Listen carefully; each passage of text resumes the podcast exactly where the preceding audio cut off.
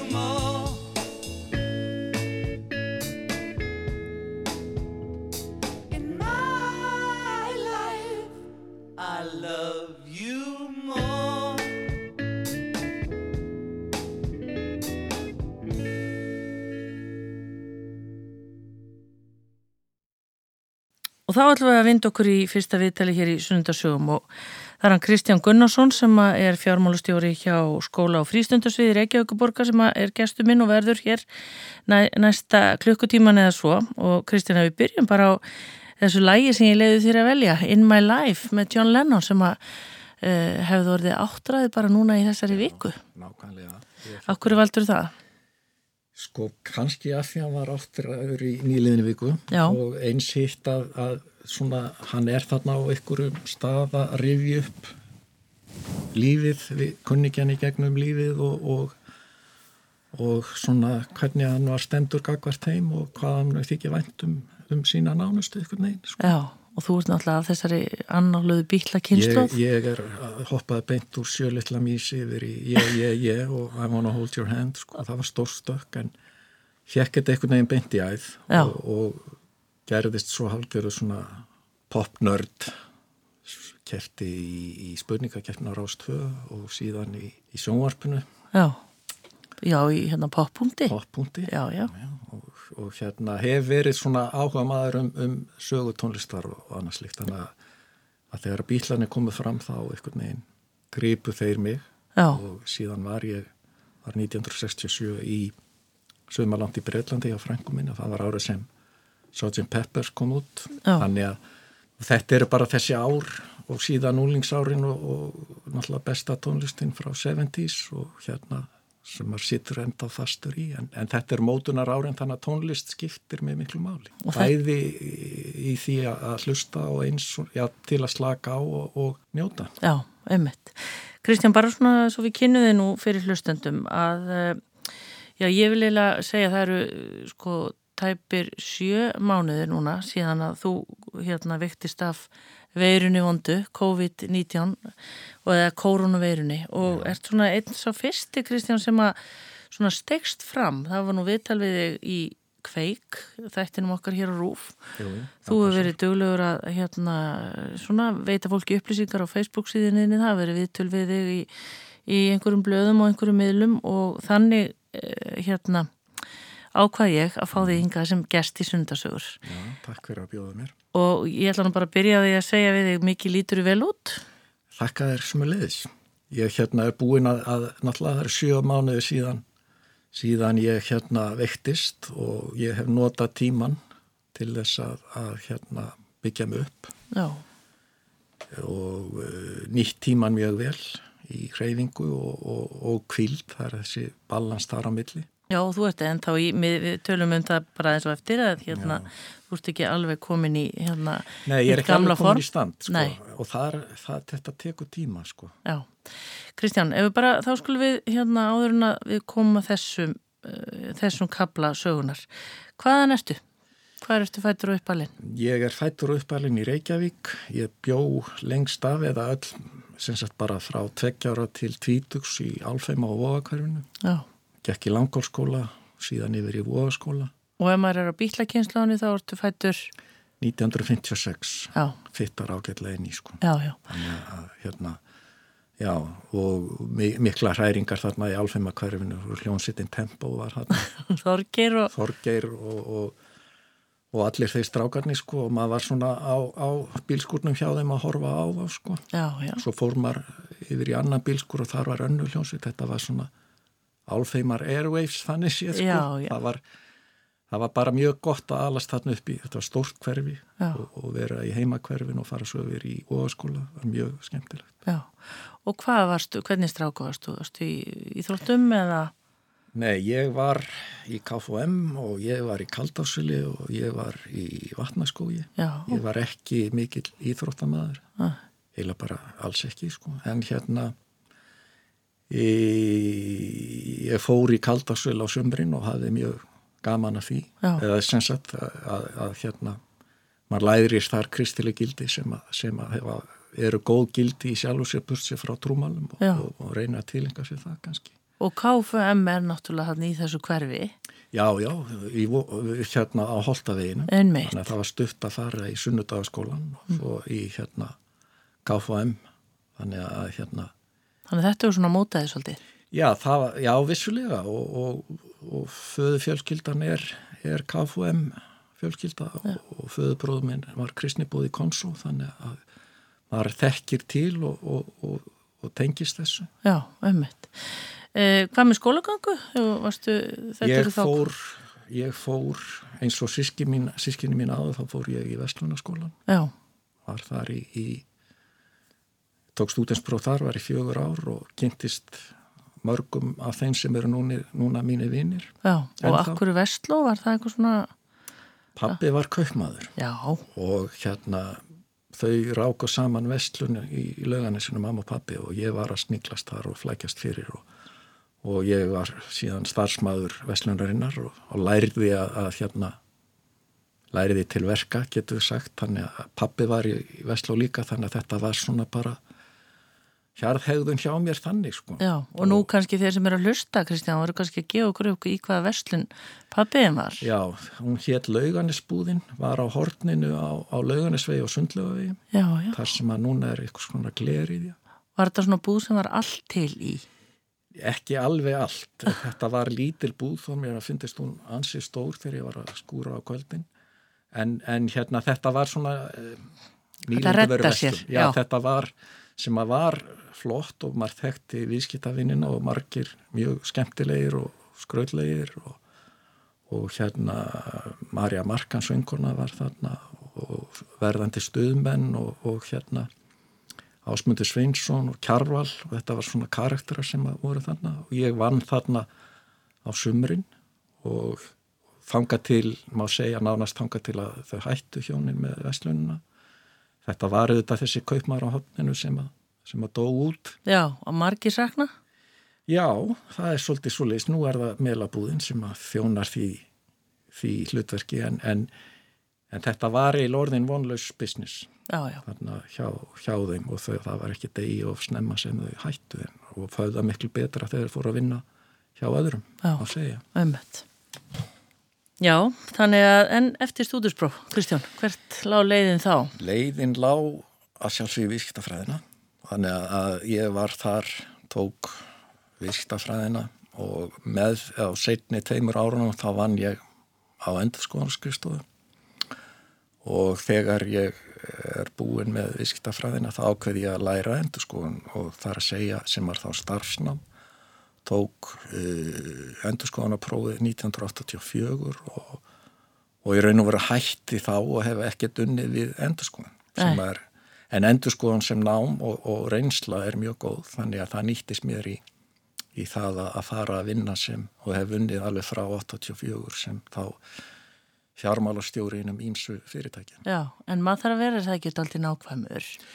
Jú, jú, jú, maður þarf að láta stemma, sko. Já, einmitt. Já, já, það er, það er, hérna, þú veist, segja, það er ákveðin metnaður í því að, að, að hérna rýna bókald og láta það vinna með rekstri fyrirtækis og allt það, sko, þannig að, að stjórna út frá því hvernig reksturinn gengur. Já, og svona maður sér fyrir sér ljóstýru við skrifborðið á kvöldin, kannski verið að vinna daldi langt fram eftir alltaf. Já, já, það er, það var ekki búið að finna upp Excel eða tölfur þannig að þannig að maður satt með stór, stóra dagbók og, og að skrifa inn og debit og kredit og svo rekni vel og, og hérna láta stemma, sko. Það Já. tók stundum svolítið á en þetta er ekki eins leiðilegt og það hljómar, sko. Nei.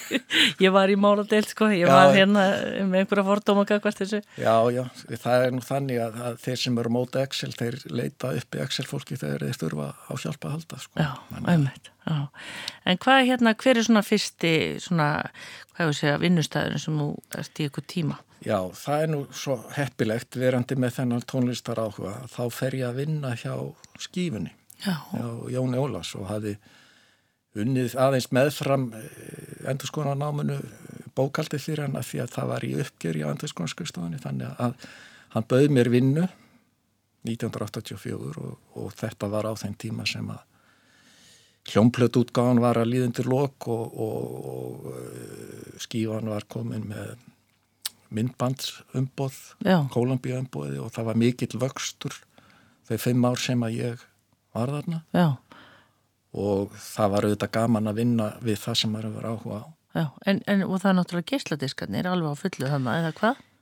Já, geisl, einmitt, geislatískanir komur svona 84-5 Já. einmitt og, og, og hérna því miður þá gaf ég nágranna mínum vinilsafni mitt að því að ég ætlaði bara að geislatíska væða mig og, og hérna nú er ég búin að köpa vinilspilar aftur. Já, en heldur þú því að hlusta? Já, hvað heitir hann aftur? Buddy, ef að þú ert að hlusta. Fórst- langar með daldi í YouTube-plöturnar.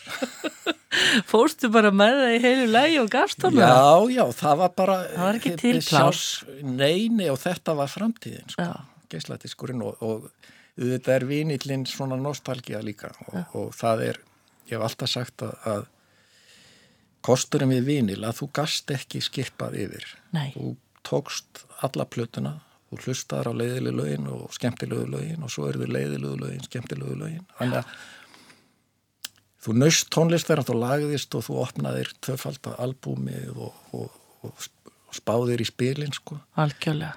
En svo núna þá er þetta einhvern veginn svona eins og maður sé alltaf að fá sér neskaffi í staðin fyrir að hella upp á góðan bolla. Sko. Já, en þannig að þú ert búin að fáið vínil að- spilara? Já, ég reyndar hlusta meira á geisladiskana en ég meðvitað sko Stefnir þanga. hlusta á, á hérna já, og hlusta á geisladiskana án þess að hoppa yfir. Og, veist, það verður líka hlust á leðilegu laun.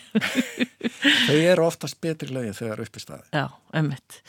Kristján Gunnarsson, þú ert hjá skífinni þarna, er það, ég menna, er ekki skífan, er þetta ekki stórveldi á þessum tíma? Á þessum tíma var, þegar ég byrjaði þá var skífan á laugavegi 33 hotnun á laugavegi og vastíg Já, og það svona er nú skemmtilegt samhengi að þetta hús var æsku heimili mömmu minna já, já, og stutt eftir ég byrjaði þá fór ég með mömmu heim til hennar innan gæsalappa og það var svona upplifun fyrir hennar að skoða því. gamla æsku heimili en skífan flutti fljótlega inn í Borgatún og var þar á, á hotninu þar sem að Tjekklandi núna. Og þetta var þriðja, þriðja starfstæðurinn sem að ég hef unnið á þessu hotni því að endurskóðaskristofan var beint á móti já, og setna fór ég til bílanus sem var á hotninu hínum megin þannig að það var eitt hotn eftir og það bakar í þar þannig að það er aldrei að vita nema ég hefði verið í snúðunum sko. nei, emmitt. En hérna, ertu á þessum tíma komið þegar þú ert í skífinni, ertu komið fjölskyldu þá eða? Já, sko ég var e, ég eignaðist við hjóni giftum okkur 1979 og yngri dóttirinn Marja fættist 1982 þannig að hún var tveggjara þegar ég byrjaði hjá skífunni og setni dótturinn 87 þannig að á þessum tíma má segja að, að hérna ég stopna heimili og eignast bönn Já, brjála að gera bara. brjála að gera og, og mikið að gera í skífunum mikið uppgangur og jólavertriðin og, og allt í góðum gýr sko. Já, þannig að það var oft mikil vinna. Já, maður fann í finnst svolítið skrítið sko þegar maður fór nú sjálfur og gaf gjafir og, og hérna fekk gjafir pljóplötur eða, eða geisladiska þetta skuli bara einhvern veginn ekki vera til í þessu formi lengur.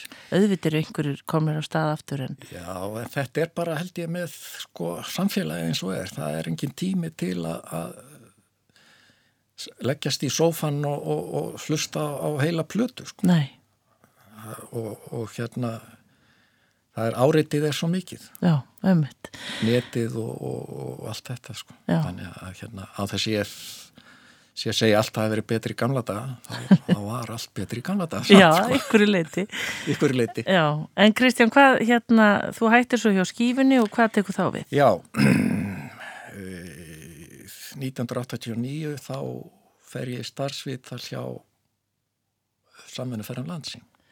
Sem þá er bara risastórt ferða Já, það, er, það var sko ekki þá, ekki orðin stórt og, og var síðar en, en það var í miklum vexti og ég hérna er ráðinn þar til starfa sem fjármálastjóri og, og vinn með Helga Jóhansinni sem að, e, var askaplega farsæl og skemmtilegur og góður félagi og vinnufélagi. Já, Og á þessum árum þá vex fyrirtæki mjög mikið, jável upp úr sko 50 manns held ég upp í 150. Það eru breyðþótturnar, það er Atlanta eða Atlantsflug eins og hétt þá já, og það er mikið brautriðanda starf sem var unni þarna og- helgi á stæstan þátt í í því að, að, að gera ferðalega ódýrari, breyðþóttuferðir til Spánar og, og e, síðan til þessara framandi staða, Kenya og Bahamas, Kúpa, Egiptaland, Indland og, og allt á, á mjög ódýru hagstæðu verði Já. út af því að það var flóið á breyðþótt, í breyðþótt. já og það hlýtur að verið ótrúlega mikið æfintir að vinna þarna þessum Já, það var, uppgangstímum. það var rosalega mikið fjör og allir í þóttugýr í orðsins fylgstu merkingi og hérna e, góður andi og, og helgi mjög skemmtilegu vinnuveitandi og við söknum hans öll.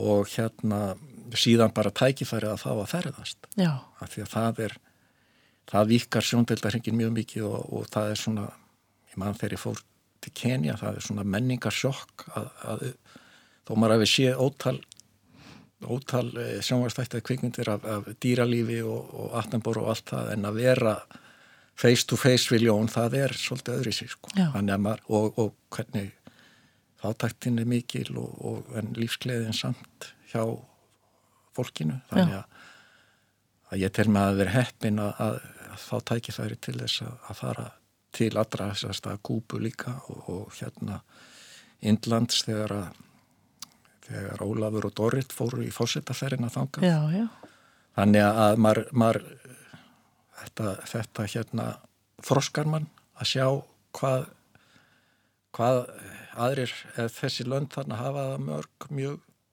einmitt, en, en fólkið er oft mjög lífsglatt eins og sérstaklega á kúpu til dæmis. Einmitt, það fer ekki alltaf saman sko. næ.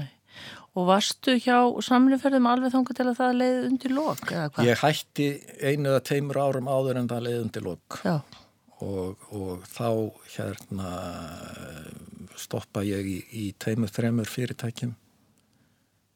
Tveimur sennilega frekar en, já. E, og e, sækjum vinnu hjá bílanust sem þá var að auglýsa eftir fjármálastjóra og, þeir voru þarna á borgartónunum þar sem ég þekkti vel til hafandi starfað þar áður í, í því hverfi fyrir utan að það var stutt frá lauganisbúðinni en allavega ég ég Herman Guðmundsson réði mig og hann var einn líka þessum skemmtilegu samstagsmannum mm. þannig að þú þrýfst vel svona á vinnustöðum þar sem er svona líf og fjör. Já, það, það er hérna, sko, maður er átta tíma pluss á vinnustæðanum og, og það er alltaf gott að fara jákaður inn í daginn og brosa, því að þá fær maður brosa móti. og það er nöðsilegt að hafa gaman sko. já, það um, þarf ekki alltaf að vera leiðilegt Tómas sé í vinnunni, nei, síður en svo. Og á ekki að vera það. Nei, þannig að já, ég þrýfst vel í því að vera í, í samskiptum við samstagsmenn og viðskiptavinni og lánadortna og allt það. Þannig að hérna að því að það, það er bara gefandi að, að vera í samskiptum við fólk. Já. Og í dag ertu sem sagt í borgartúninu, alls ekki langt þá frá þessum stað. Nei, nei, það Það er ekki verið að flækja þetta, Kristján. Nei, nei, það er bara, sko, maður er alltaf að fara í borgatúnið, Já. einhvern veginn, í gegnum æfina, sko. Þannig að það er svolítið sniðuð. Já. En þar eru skrifstofur Það borgar. eru skrifstofur Reykjavíkuborgar og, og hérna, það er þannig að, að það, svo svona segja aðeins frá aðdraðandanum að þá, þá uh, bílanust var það enn einum og, og enn einn lendi erfileikum eins og allir. Nýjir aðlega sem komu þarna inn og það svona kannski var endur nýja svolítið í yfirstjórninni þar og, og, og, og ég eins og margir fleiri voru látni fara. Og hérna Hvernig er einslafa það?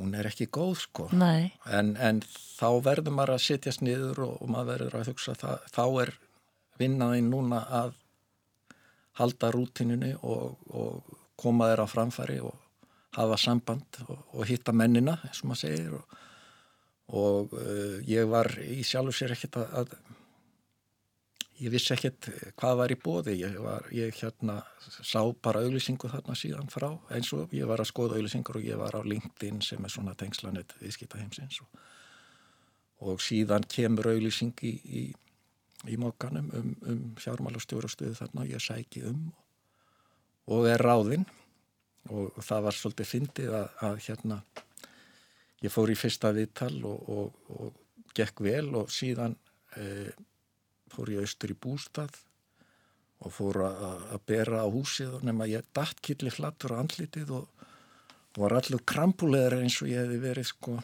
á fyllir í viku mm. Og hugsaði, mikið var nú gott að ég var í viðtalni í gær en ekki á morgun. Og allt þá um kvöldi ringir sviðstjóra sem var þá Ragnar Þorstinsson uh, og segi ég þarf aðeins að fá að hitta þig aftur, getur komið á morgun? Og ég hérna mæti þarna og lít svona út kannski meir eins og Lali Jones heldur en hérna kandidat í fjármálastjórastöðu á stærsta sviði Reykjavíkuborgar og hérna en Ragnar á bústað líka og hann, hann þekkir það að það þarf að halda hlutunum við og maður geta hrasa við það. Hann kefti skýringuna alveg að, að ég hef ekki verið á, á einhverju sutiralli rey nei, og fekk stöðuna þar. Já. og er búin að vera þar síðan. Og það eru hvað mörg ár. það eru sjö ár. Já, og það er náttúrulega risa stór og öflugur og já þetta er mikill, þetta er stórt og mikið apparat og, og, og ef að við skulum segja bílanust og samvinnaföri voru svolítið eins og kannski hraðbátur já, og það er oft fjör í hraðbát og það er alveg skrensað vinstri hæri og sá. Síðan þegar maður fyrir að vinna á borgin þá maður svolítið komin upp í óljuskip ég vil oljuborpall í sömu tilfellum. Og það er nú þannig að, að hlutinni gerast ekki nætilega hratt í oljuskip og það er eiginlega heldur má ekki gerast, þú mátt ekki beigja snögglega til hægri eins og í hraðbátnum. Þannig að þau fyrir sína kostu og alla oljuskipið kannski kemst lengra en hraðbáturinn já, og maður það bara finna taktin og finna dræfið sko. Í enga geiranu sem ég var búin að vera í, í hérna hvað 30 ár þá er það einhvern veginn hagur hluthafa getur sagt og svo fer maður yfir í í borgarkerfið og þá þarf maður að finna dræfið sem er þá kannski, við getum sagt, hagur borgarbúa já, og hérna e, ég hef búin að vera þarna og, og þetta er mjög skemmtilegt starf já. það getur verið mjög gefandi og svo getur þetta stundu verið mjög þreytandi. En er þetta í ljóstýran á kvöldin, langt fram á kvöld að vinna? Já, sko, ég er nú að vera að reyna að passa að vinna ekki ómikið en það er verkefnin hlaðast aldrei upp og maður þarf ofta að, að, að vinna heima, heimafrá og, og, og hérna en ég er svona, ég setti mér þá reglu fyrir ykkurum tíma að, að ef að ef að það sko væri ekkert gefa, ég myndi lesa tölvupóstum helgar. Ef að mínir yfirmenn þyrft að ná í mig þá eru þeir að fylgja því eftir með símtali. Góð regla. Já, Já. og hérna síðan þá hefur þetta nú svolítið breyst með sko tölvupost á kvöldin og tölvupost um helgar og það frítími fólks og engalíf hefur fengið meira vægi Já. og menn er að skilja það að þó vinnaka ekki mannin þá, þá þarf að vera balans eins og í öll þannig að þetta er þetta er auðvitað sko helmingur af útgjöldum borgarina 55 miljardar þannig að þetta er svolítið pakki að, að ná utanum og, og og útgjöld mikil og, og fjárhasa á allum þröng og, og, og hérna þetta er glíma. Já, það þarf að vanda sig. Það þarf að vanda sig og hérna ég er frekar vandiskur sko, þannig að það er bara ágætt. Já. Kristján Gunnarsson, fjármálastjóri hjá skóla og frístundasviði Reykjavíkuborgar er gestu minn hér í sunnundasögum og ég tók það ákvörðun að leifa Kristjana þegar hún er svo músikalskur og búin að starfa og hlusta mikið á tónlisti gerum tíðin að leifa hún bara að velja þrjú lög, við byrjuðum hann áðan á læginu með John Lennon, In My Life. Kristján, árum tökur hlýja núna. Hvað ætlar að leifa okkur að heyra með uh, lag nummið tvö? Lag nummið tvö er einn af mínum uppáhalds tónlistamönnum sem reyndar er fallin frá og ég kannski kema því á eftir en, en hérna þegar ég var á spítalanum þá settu dæturnar og, og vinkona mín í Danmörku lagalista upp fyrir mig sem að var settur á eirin á mér þegar ég var í endunarvilni og síðan ég hlustaði á það líka í einangrunin og þar eitt af þeim lögum var, var svona pepplag með Tom Petty uh, I Won't Back Down og ég var svona þegar ég var vaknaður og við kannski förum yfir það síðar að, að hérna þá var maður svona svo þakklætt og fyrir vera, að vera á lífi að maður alltaf virkilega ná sér á stryk og ná fullum kröftum ölluleit og þetta var lag sem ég var að hlusta mikið á með öðrum lögum. Já, við myndum. Slúm heyra þetta hérna og höldum svo áfram e, í þessu vittali með Kristjáni Gunnarsinni og viljum að heyra hans reynslu sögu af því að hafa greinst með COVID-19, lendi í öndunavél og ímislegt fleira. Farið ekki langt.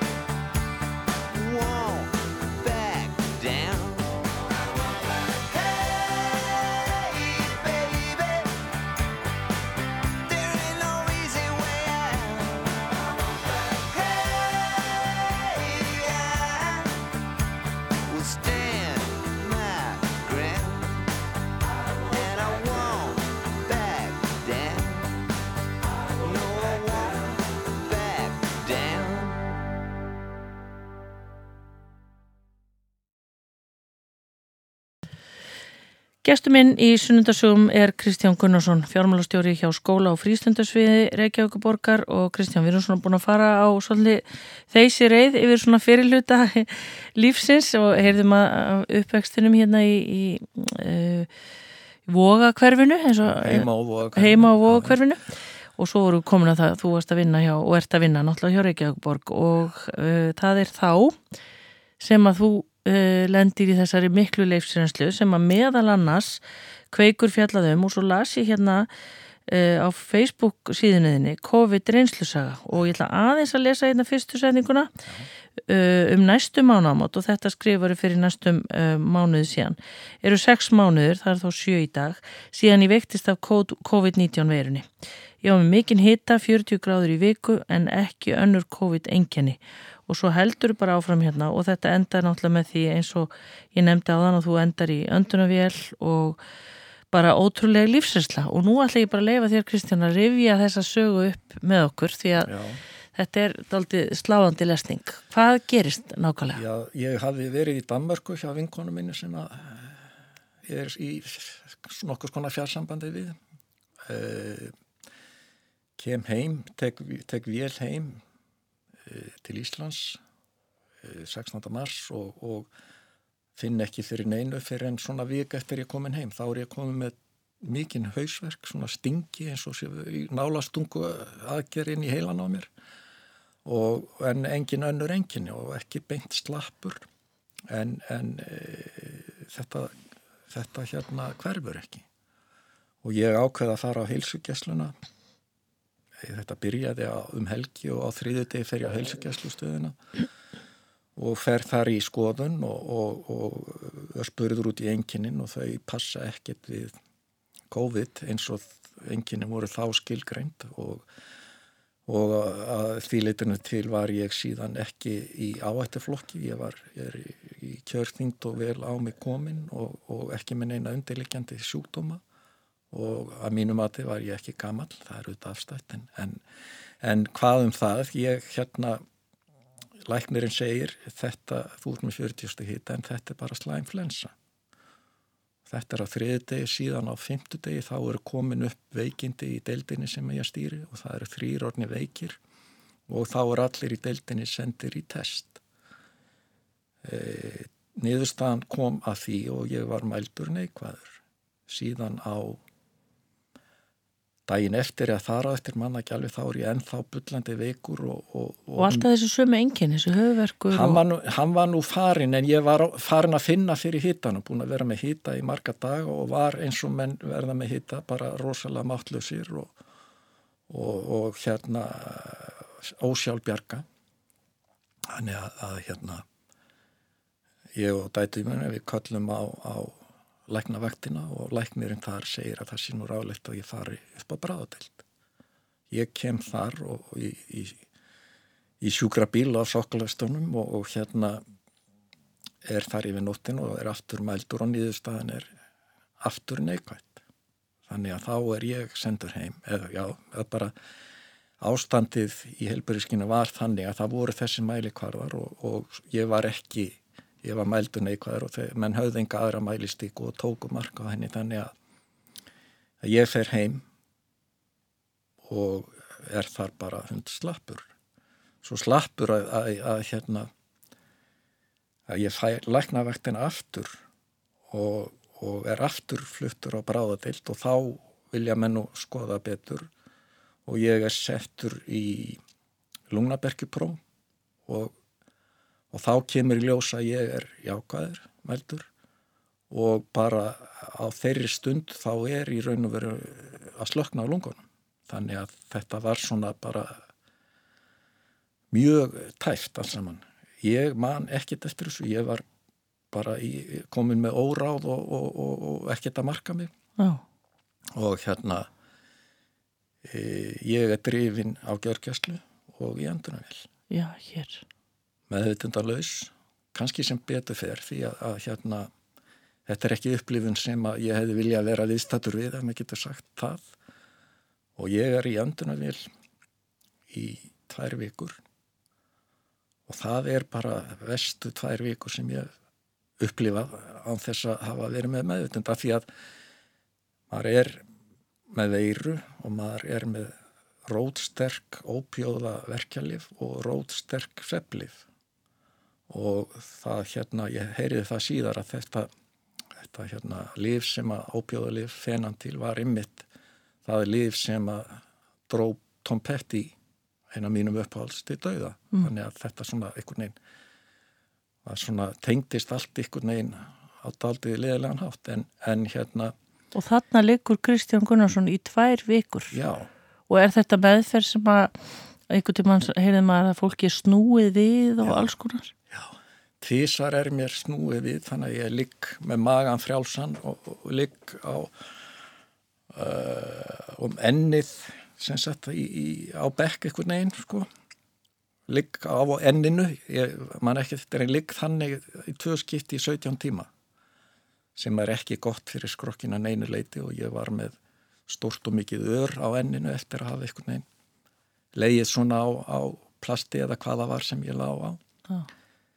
En eins og segi, ég var meira að minna með þetta laus en það er þannig að þegar maður er í öndunavél og á þessum lífjum þá er maður stundum heyrir maður í, í heilbrísfólkinu en, en ég var með ég var skítrættur. Ég, það er óþægilegt að vera með svona slöngu onni sér. Óþæginduð og ég svona barðist um að einhverju leiti var mér sagt eftir á. Og, hérna martraðir og ránkugmyndir og, og alls konar og, og sko ég upplýði það að, að og það, ég upplýði það að, að ég væri í haldi hjá hriðjverkamönnum og þeir voru klættir eins og hjúgrunafræðingar voru í grænum galla með uh, grímu og, og svona glerskjöld og grímuna og þetta augljóslega voru þetta hjúgrunafræðingar Já. en, en í mínum huga voru þetta hriðiverkamenn dölbúnir sem hjúgrunafræðingar og með grímu til þess að ég myndi ekki þekkja þá í sakbendingu mánuði síðar sem sagt tóntbull Já. En er þetta eitthvað sem gerist bara rétt áður en þú ert vakin eða veistu, Ég- gerur þér eitthvað grein fyrir því? Ég gerir mér ekki almennlega grein fyrir, ég held sko að þetta er svona inn og út einhvern veginn ástand finnst mér og ég var eh, sko, ég var meiri sé að að hluta þessum tíma í martröðinni var ég, var ég sendur til Parísar í að Parísar deild hriðverkasamtakana og New York deild hriðverkasamtakana.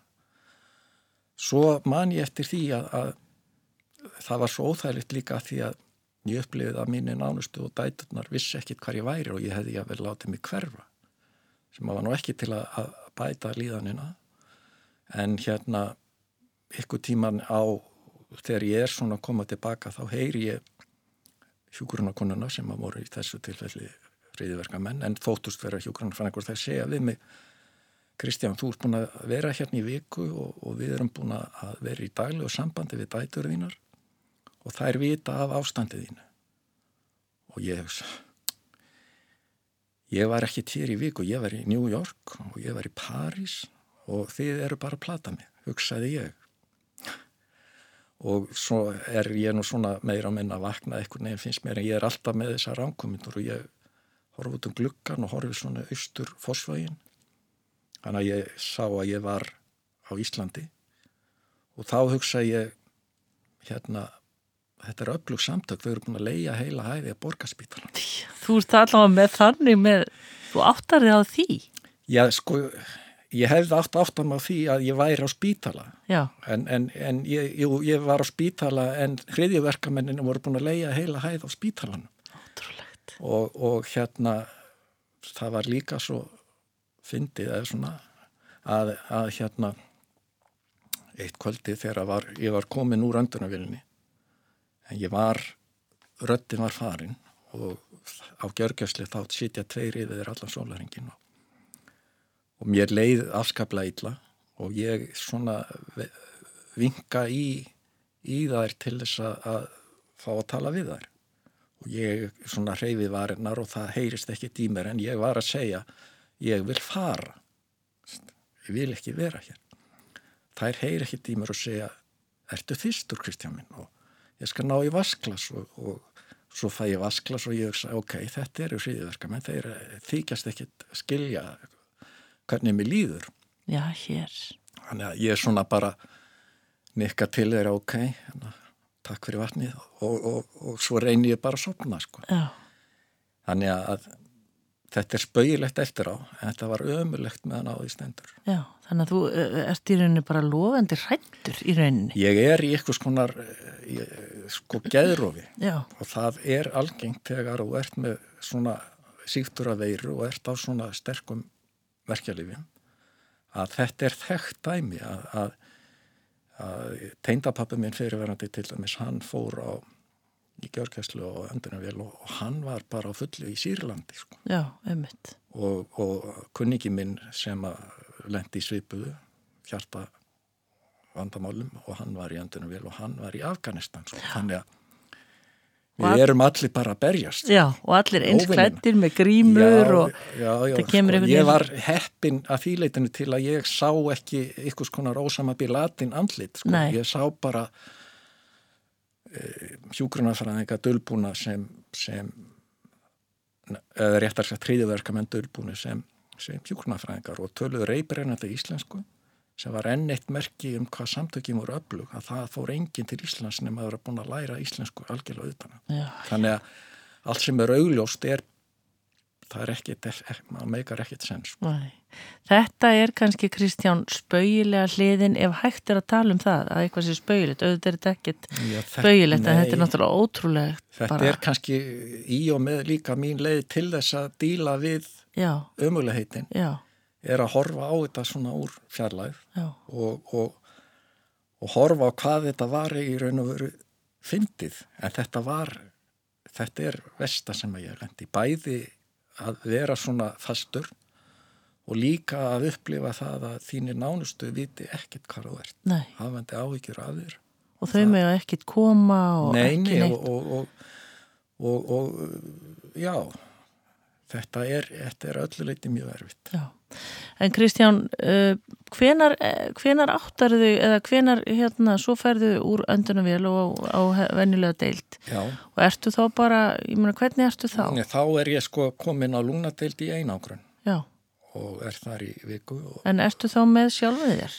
Já, það var svona einhver smá salli eftir í rugglunu því að, að ég svaf ekkert fyrstu nóttina og aðra nóttina var ég að reyna að sofa og var að hlusta á tvíhöða Já, á hérna sarpinum.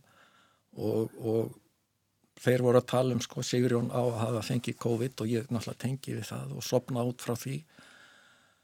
Svo vakna ég við það að ég er bara komið fram á gang sem er alveg stránglega banna já, þá hafði mér, mér fundist ég vera sko á Ísafyrði að tróða upp með tvíhöða. þú hlægir bara. Já, já, ég meina þetta er auðvitað bráðfindi og þetta var allt í lagi draumur skilur og, og en ég vaknaði hérna bara í, í, í síðum kvítun nærbuksum og í sloppmertur ríkispítalan og þeir hverki sjáanlegir. nei, nei.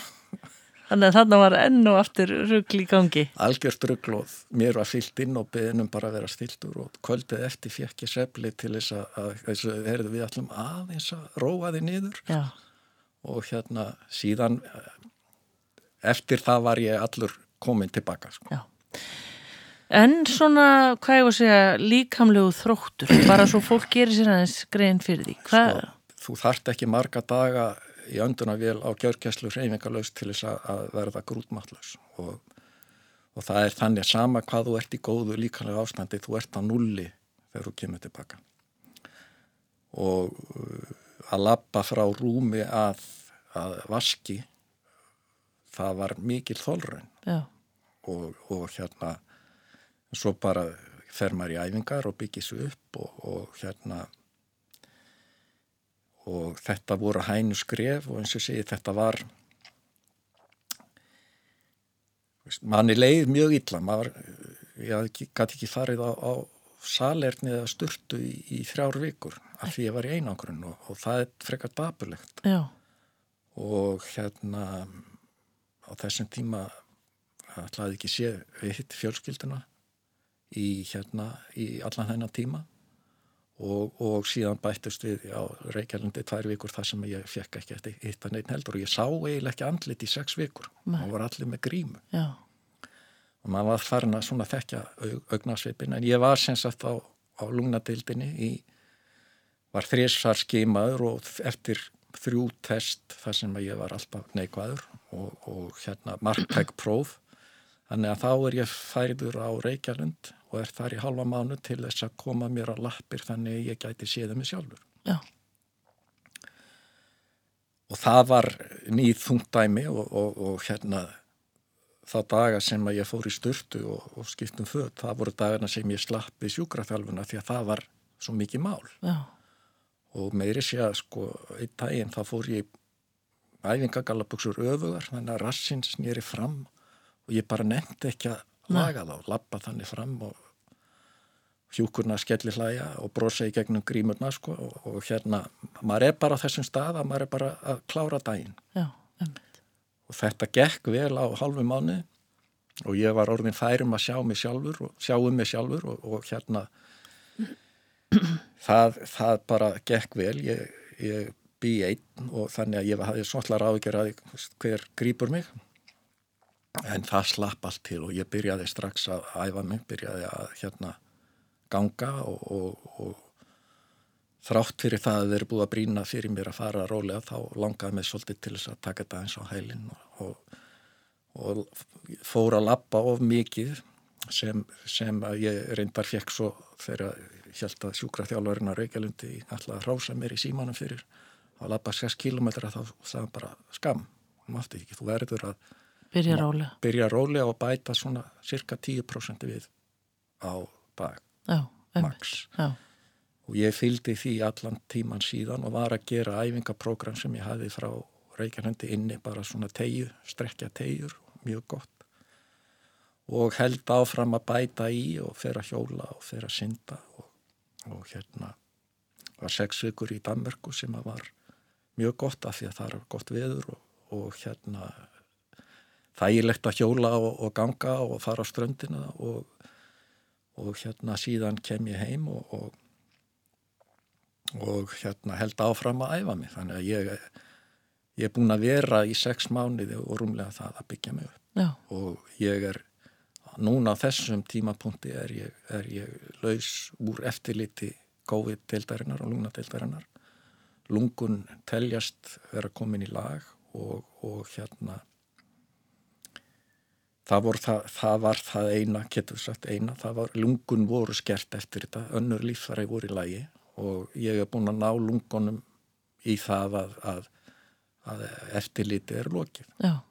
Kristján, hvað, þú ert, ég menna, þú ert fætti 56, þú ert golvari, útvistamaður, eins og segir, í kjörþyngd og svona, hvað, þú veist, þegar þú hugsaður um þetta, af hverju ég, kemur það stundum upp, hvað, þú veist, hver, er einhver skýring á Nei, þessu? ég, ég hérna veist, ég var í hópnum, ég fæ ekki COVID sá hópurinn okkur stór. Og hérna þekkingin á COVID var bara miklu minni en hún er núna og undir, undirstryka það að það er engin óhöldur, þetta er ólíkinda tólf. Hún ræðist með þessum hætt á mig og slær mig gjössanlega niður. Og, og hérna ég eiginlega ég hef enga skýringu að því að er engin skýring.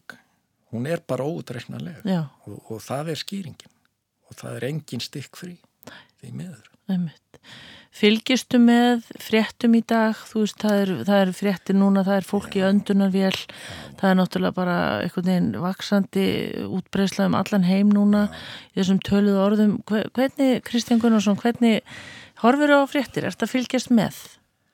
Sko þegar ég kom heim sem ég bakka aðeins þá gæti ég ómúlega hort á, á hérna bladamannafundina þar sem var svona svo og svo margir smita, svo og svo margir á spítala, svo og svo margir á gjörkjallusteild og svo og svo margir í öndunarvél og svo og svo margir dánir. Þannig að ég var í hólfinu við næsta við dánir og mér fannst það mjög óþægilegt og ég vissi að að margir af mínum vinum þeir kveið alltaf fyrir blagamannafundunum vitandi að mér í, í öndunarvél já, hvort að ég væri, hvort að hefði bæst við. Og, og hérna það, þetta var ekki þægilegt. Og síðan gerist það helgina sem ég kom heim þá er mynd í sjónvarpinu sem heitir Misery já, með hérna því James Caan og Kathy Bates Já. sem að rítumundurum er svona settur í hryllileg mynd. myndu brotin á hann og fætur og hann komst hvergi. Já. og ég er nei, ég er ekki að fara að horfa þetta. Þannig að ég var viðkvæmur og, og meir og, og svona já, ég horfði minna á á svona eh, ég segi ekki ljóta en, en þættir sem ég hefði hort á eins og ekkert væri, það var, ég var bara viðkvæmur. Já, og ég hef fundið fyrir því líka og það er kannski ástæðan fyrir að setja þessa fæslu á sínu tíma það var svona var að segja upphæfi þriðju bylgjunar eða enda annarar að, að menn er að tala um að, að þetta sé nú bara svona og svona og það er ekki svo margir að veikjast og þetta nú bara áættu hópar og við skulum nú bara opna hlutina og, og, og reyna harka af okkur. Og ég var kannski ég, ég það sem ég hugsaði, ég hef yngra hagsmun að gæta varðandi það hvort að hvort að varnir eru hertar eða slakað á, á landamærum. Ég, eina sem ég veit er að ég var næstuði dáin. Já, og, og hérna það getur gerst hjá hverjum sem er. Það er engin óhöldur af því að eins og ég segi ég er ekki í hóp ykkur að þeirra sem að undir venlum kringust þarf að venda af því að þeir eru aldraðir og, og útsettir fyrir ykkurum veikindum. Þannig að mér þótti gott að, ekki gott, mér þótti rétt að skrifa þetta af því að þetta var mín saga og ég er eh, hafði yngra hagsmuna af því að feður hana eða, eða dekkjana, hún var bara svona hún Já. var umulig já. En Kristján, ertu ertu reyður eða ertu sár? Ertu, finnst, fannst þér á seint hafa brugðist við, hvernig teklar það? Sko eins og ég hef sagt þarna á þessum tíma var þekkingin á COVID svo lítið að menn urðu að flokka eftir ykkurum viðmiðin sem þeir hafðu þá sem að var uh, yfir kjörtingdi í áættu hóp eða mældur neikvæður. Ég var ég var neik, mældur neikvæður, ég var ekki með enginni, ég var ekki áhættu hóp og ég var í góðu líkan ástandi.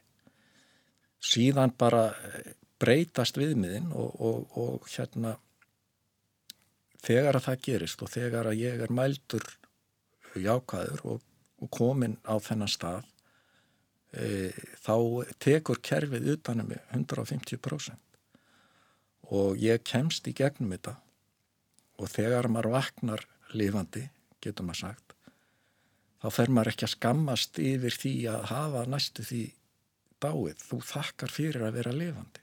Og það, það þakkar fyrir að kerfið skuli hafa bjargaðir og maður verður svona mér dettur ekki í huga að vera vera reyður eða neitt slikt yfir. Þetta hefða kannski það sem að var sárast í þessu að, að, að vera mældu neikvæður og, og dæturnar flúa að mér og ennur þeirra veikist.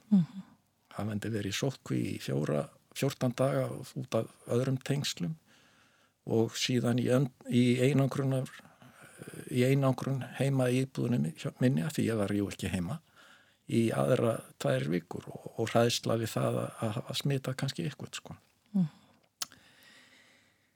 En við erum heil, ég er heil og, og, og, og ég eh, maður lendir í svona krísu og maður, maður tekur það góða, getur við sagt, sem gerist. Og það góða er það að ég er á lífi og ég fæ tækifæri eins og ég sagði í, í viðtalinu að ég fekk gulaspjaldi og ég ákveð að ef ég held áfram að tuttast, við getum sagt þá að, að, að, að hérna passi ekki nóg vel upp á mig, bæði í vinnu eða í, í mataræði eða reyfingu eða hvernig sem það er þó ég hafi verið góð ástandi þá, þá hérna forgangsraða maður upp á nýtt. Og í öllu þessu þá upplifi ég það í raun og veru hvað skiptir máli og það er fjölskylda, vinir, stafnstarsmenn og kunningjar. Mm. Og þessi hópur, bróður minn, hann, hann held út svona smá Facebook rapport hóp til þess að upplýsa þá sem voru að spurja og svo hlutan rapport daglega og, og að lesa viðbröðin og lesa þegar ég var á einangrun sko, að, að þá upplýðum við það hvað maður á mikið af mjög góðum mínum og, og þá er maður einhvern veginn bara þakkláttur fyrir að, að vera á þeim stað að, að hérna eiga góða fjölskyldu og, og gott stuðningsnett og þarna voru bænahópar að byggja fyrir mér og ég er vissum að það hefur hjálpað til Já. og það bæði ætningja mínu sem að, sem að sem segja voru KFM og Konsó fólk og síðan e, aðrir bænahópar sem að tengjast vinum mínum þannig að að öllu þessu sögu þá, þá ég get ekki verið neikvæður Nei. ég get ekki, ég get ekki verið fútlifir því að ég var næstuð dáin af því að ég var á lífi skil. þá er maður bara þakkláttu fyrir að vera á lífi Já.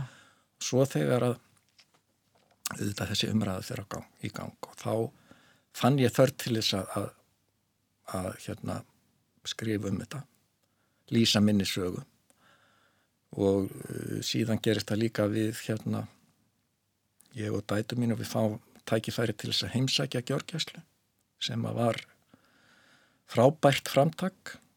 E, það bjóð til ákveði svona closure fyrir þær pakka þessu niður og sjá hvernig hvernig aðstæðina voru að hitta fólki sem var að, að sjá um mig. Og ég hitti nokkar af þessum inn að gæsalappa hriðiðarska menn sem að reyndast vera indislegar hjógrunakonur í, á gjörkæslu ekki að því að ég þekkt þær heldur að því að þær myndu eftir mér. Við verðum verið mjög óþægilegur sjúklingur verandi með þessa ránkvömyndir en hérna já, síðan alltaf reyfir þetta við manni þessi staða sem er núna og öll þessi umræða. Nú, nú hef ég skilning á aðstæðum þeirra sem að er að berjast við gjaldfrótt og þeim sem eru atvinnuleysir en ég þekki líka og þekki fólk sem er í þeirri stöðu ég þekki líka fólk sem er veikt. Og uh, ég er ég er meira þeim megin að láta þá sem hafa þekkinguna, vísindamenn ráða fyrr og uh, oft er það þannig að þeir sem að tala hæst eru þeir sem hafa kannski ykkur hagsmunni af því að sér slakað á og, og þá finnst mér gott að geta sagt mínasögu og hún er hún er dökk en, en, en hún er bara mín saga og, og ef að það hjálpar ykkvað að skilja þetta þá, þá fannst mér það rétt að, að setja það fram Já. Kristján Gunnarsson uh, í lokin hvað ætlar að gera í setni hálfleik? Sko ég er, er hérna ég er búin að vera sex mánuði frá vinnu og ég, ég hérna það hefur gengið án mín. Það er svona ljúfsárt en, en það kannski segir að, að, að hérna vinnan er ekki allt. Og, og ég er e, þegar ég var 60 þá svona sett ég upp smá bucket list getur við sagt og ég hef verið duglegur síðustu ára að fara á tónleika sjá Paul McCartney Mark Knopfler Rod Stewart gamla og, og hérna ég tók upp gítarinn aftur. Ég, ég læriði fyrir 50 árum. Og hérna fór að læra á gítar aftur. Kom í ljósa ég hef engu glemt en ekkert lært heldur. En, en hérna ég er í örugum höndum hjá Tryggva Hubner sem er reyndar gamal vinnufélag úr Ölgerinni þannig að, að ég er í tímum þar, ég er í hveragerði núna að byggja mig upp í því að, að, að hérna takast á við álag sem fylgir því að fara aftur að vinna og gera það í einhverjum takti sem að er skinsamlegur og að vera sem best undir það búin andlega og líkamlega mm. og síðan það er svolítið merkilegt að þegar ég var 60 og svona upp úr 60 og svo var ég að vera 64 ára sem er náttúrulega býtla aldurinn en maður stundum svona tíma þá hugsa maður tilbaka já ég er nú bara á góðum stað. Ég hef átt góðan starfsferil. Ég á indislega fjölskyldu og dætur og batnabönd og ef að það skildi nú gerast að ég fjalli frá af ykkurum ástæðum þá gæti ég hugsað ég hef nú lifa betra líf en margir aðrir sem að falla frá uh, yngri. Að ég, ég get verið til að sáttur við, við minn lífsferil svo lendi ég í þessu og, og er, er við döðanstýr og svo ranka ég við mér. Og þá hugsa ég þá meiri villisann í mér. Hér er ég og, og, og var næstu því farin og hafði eitthvað verið að tala um það að það er, væri nú bara ekki, það, það, það slippi til með að við hvernig mér hefði gengið í lífuna þá hugsa ég, nú ég er hérna aftur ég fæ tækifæri til að lifa og ég á ef vel gengur 20 góð ár og ég ætla bara að rukka þau. Og e, svo hugsa maður svolítið sko já, andlegum nótum sko hvað skiptir máli og, og hérna þetta að vera í núinu og allir þessir frasar og allt það. En þetta er það meikar alveg sens og, og svona í sinni einfældustu mynd sko þá þá erum við að tala um, um vestræna sálfræði sem er þetta að berjast og breyta og búa til sem þetta gera. Og svo hinn austræna sem er, er meira að taka við aðstæðum ekki með fordumum eða gaggrinni leifa hlutunum að koma og reyna að skilja það og ekki dæma það sem aðrir halda með öðrum orðum að vera í staðin fyrir að gera. Mm. Og, og þetta er auðvitað svona hluta þessu æðrileysi sem er síkilt mál og, og ég hef einhvern veginn svona tekið þá afstöðu að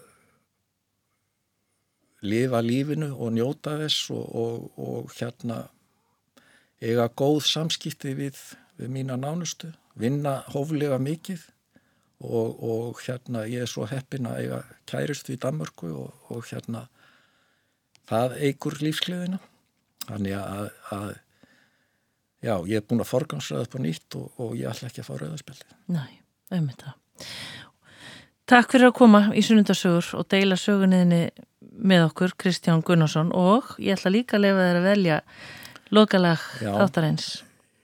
Það er sko það er nú þannig að, að bílarnir eru aðal en fullt af öðrum góðum nótabene og, og ég aðlæta þannig séð á, á tónlist. En, en e,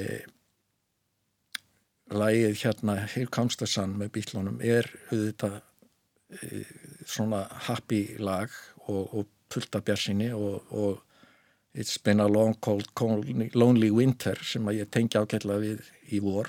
En um leið þá er bjart framöndan og þetta er spurningum að, að taka, horfa á sólina, brosa og reyna að vera góð manneskja. Það, það er ekki flókið. Nei. Takk fyrir komina í Sunnundasögur, Kristján Gunnarsson. Hér kom á bílaðir, hér kamst það sann.